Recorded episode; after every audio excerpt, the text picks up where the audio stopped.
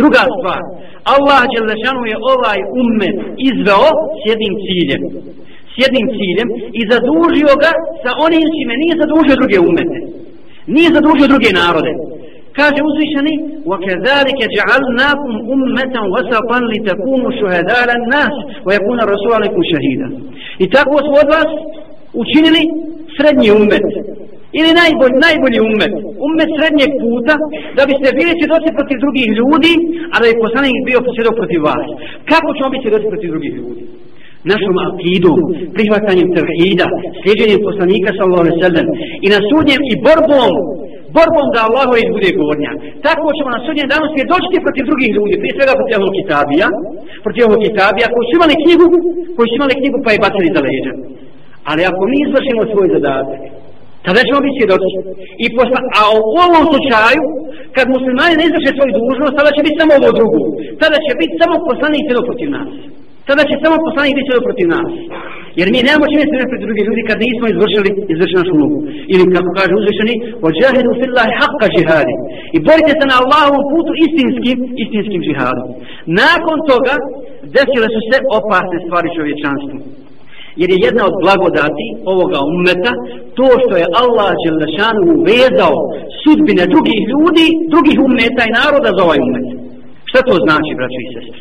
Kada je ovaj ummet na visini zadatka, kada su muslimani na visini zadatka, kada ispune svoju ulogu s kojim je Allah zadužio, onda je svima dobro. Onda svi žive u blagostanju. I židovi, i kršćani, i mušici, i pavi, svi ostali. Svima je dobro ako muslimani vladaju. Jer tada vlada pravda. Tada vlada pravda. Drugačije se pravda društvena ne može uspostaviti bez islama i bez provođenja Allahu, Allahu zakona. Međutim, kada je ummet napustio Risalu, pojavila se paganska Evropa. Tada se pojavila Evropa koja je sva u znaku džahilijeta. Koja je sva u znaku džahilijeta. I na političkom planu, i na ekonomskom, i na društvenom, i na moralnom, sva ova polja, ako izučavamo kroz Evropu i evropsku, evropsku kulturu, vidjet ćemo da je to sve u znaku, u znaku žahilijeta. Zato je zlost, zlost, zlost našo čovječanstvo i nestale su tada uzvišene vrijednosti. Ahlak se rastočio, nestalo je morala, dosta je vallah ispomenuti, pogledajte, kad je u pitanju politički sistem, kad je u pitanju društveni sistem, vladanje, dosta je spomenuti samo kolonializam kolonija, to je jedna od, jedna od crnih mrlja Evrope. A kod njih, sve u njihovoj istoriji, sve ideje koje su pokrenuli, su crne mrlje. I nijedna ne odgovara ljudskoj prirodi. Ni komunizam, ni kapitalizam, ni demokratija, ni a, sve to, sve to njihov izum. I fašizam i tako dalje. Dakle, tada nestaje, nestaje svega toga. Ko, pa zatim, kada su kolonizirali posebno muslima, muslimanske zemlje, a s ciljem su to, s ciljem su to uradili, šta se desilo? i bez muslimana kakva, kakav zakon vlada u tim državama mi vidimo i danas u, u svim sistemima posebno kada ima islama nažalost da jaki uvijek izrabljuje slabog da je istina kod onoga koji ima snagu a ne kod onoga koji ima objav od Allaha Đalešanu. Nego ako imaš vojsku, s tobom je istina. A danas ne samo vojsku, ne samo oružje, nego danas je moćno oružje šta? Sredstva informisanja sredstva informisanja koja su u rukama Allahovi neprijatelja. I odmah je kod njih istina. Jer će sto puta ponoviti jednu laž i ona će se pro, protoriti kao, protorit kao, kao istina. Zatim, materialistička civilizacija, odvajanje vjere od države, vjere od države, a morali se to odvojiti. Kad su vidjeli da je kršćanstvo laž, onda se napustili, napustili vjeru. Međutim, nažalost, umjesto da Evropa prihvati islam, kad i ti učenjaci kad su vidjeli da nema u kršćanstvu hajra, da tu nema izlaza, prirodno je bilo. Prirodno je bilo očekivati da prihvate islam. To je jedina vjera. Objava od Allaha, međutim nisu to učinili njihov paganizam i kršćanski žar koji i dalje ostao kod njih, iako su ubijeni zbog toga što su negirali sve to, mnogi učenjaci spriječuju i od toga. Zatim, nemoral, znamo da je tada žena napustila kuću, napustila je svoju prirodu, svoju prirodnu ulogu, pokvarila se žena, a s njom se pokvario i čovjek, zatim upropaštena je porodica, a posle toga upropašteno i društvo. Pogledajte u znaku kakvog morala uznemrala danas i današnji život na zemlji.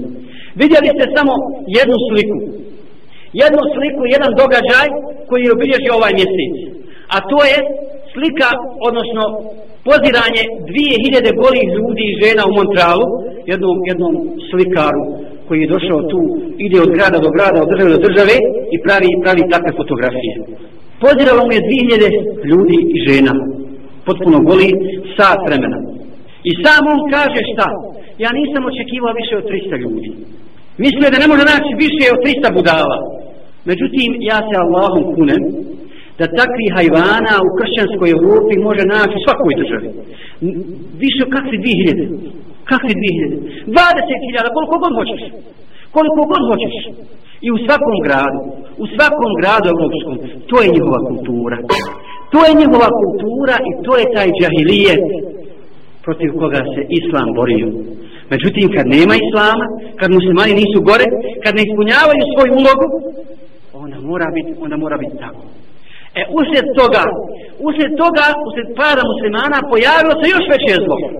Nije, ne samo kršćanska i džahilijetska Evropa, pojavilo se još veće zlo.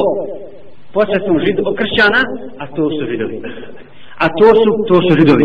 Najveći musibet na Dunjalu koji su samo nadonijeli ulja na vatru koja treba da sagori čovječanstvo u kojem treba da izgori ljudski rod i sve, sve, ljudske, sve ljudske vrijednosti. I tada su židovi vidjeli šansu da ostvari svoj životni cilj, svoj životni san, a to je da zavladaju nepismenim narodima i da zavladaju stokom kako oni smatraju muslimane, kršćani i sve ostale ljude, kada kaže Allah ženu za njih, oni kažu to židovi, lejsa alejna fil ummejina sabidu, nije nama grije, što god nepismeno uradimo. Što god nepismeno uradimo, nama, nama, to, nama to nije grije. Dakle, A Allah Đelešanu je objavio, dobro, možda se neko upitati sad, zar onda to nije kontradiktornost sa kuranskim ajatom gdje Allah Đelešanu kaže Duribet alejhimu zillatu ejnema zukifu. Na njih će biti poniženje, bit će poniž, poniženi židovi gdje god se nađu. Nakon što su ubijali poslanike, nakon što su prihvatili istinu, Allah objavljuje poslaniku sa salim i kaže na njih je poniženje, bit će spušteno na njih poniženje gdje god bili kako to da su danas židovi došli opet ponovo na čelo da danas ponovo vladaju svijetom. da židovski lobby danas hara ovdje u ovom istom ajetu ima jedan izuzetak Allah Đelešanom kaže jeste na njim je poniženje ej nema tukifu gdje god se nađu illa bi hablim min Allahi wa hablim min nas osim ako se stave pod Allahovu zaštitu i zaštitu ljudi Znači, osim ako im Allah ne pomogne, ako Allah drugačije ne odredi, i ako im ljudi ne pomognu. Razmislimo dobro o ovom izuzetku ovdje. Ova, ova riječ čestica illa je znak izuzimanja u arabskom jeziku. Dakle, osim ako Allah drugačije ne odredi, to je kader koji se odbija, rekli smo po određenim zakonitostima. Prirodne zakonitosti koje Allah ono uspostavio u svijetu, u životu. I drugo, ako im ljudi ne pomognu. Šta to znači? Mi kad govorimo o ljudima i pomaganju njih, odmah pomislimo na Ameriku, na Rusiju i tako dalje. Ne, nije tačno. Ne samo oni. Nego danas su meni se čini i muslimani, i kršćani, i Amerika, i Rusija, i tako, i svi ostali, vojska židovska. Vojska židovska, kako? Na koji način? Pogledajte, braćo i sestre, izume koje su židovi izmislili. Hajde samo pogledajte, pogledajmo na, na ovu kulturnu, odnosno nekulturnu scenu našeg života. Ko je izmislio kinosale i zašto? Zar danas ne vlada ludilo, kina, ludilo kina među, među omladinom? I za svaki musliman i muslimanka koje ga je uhvatilo to ludilo, ne pomaže židove. To je idejni i materijalni i svaki drugi izum od strane židova. Zatim, futbalsko ludilo, čiji je to izum? Pa ste čak vidjeli na svjetskom prvenstvu i žene pod nikadma i Saudijski Arabi navijaju za Saudiju u futbalu. A umet ponižen do dna. I mo može se okupiti 100.000, 200.000 ljudi i gledati te utakmice, gledati te ludosti, te gluposti, kao da se ništa ne dešava. Kao da smo mi uspostavili islamsku državu, kao da smo uspostavili hilafet i sad mašala možemo malo odmoriti.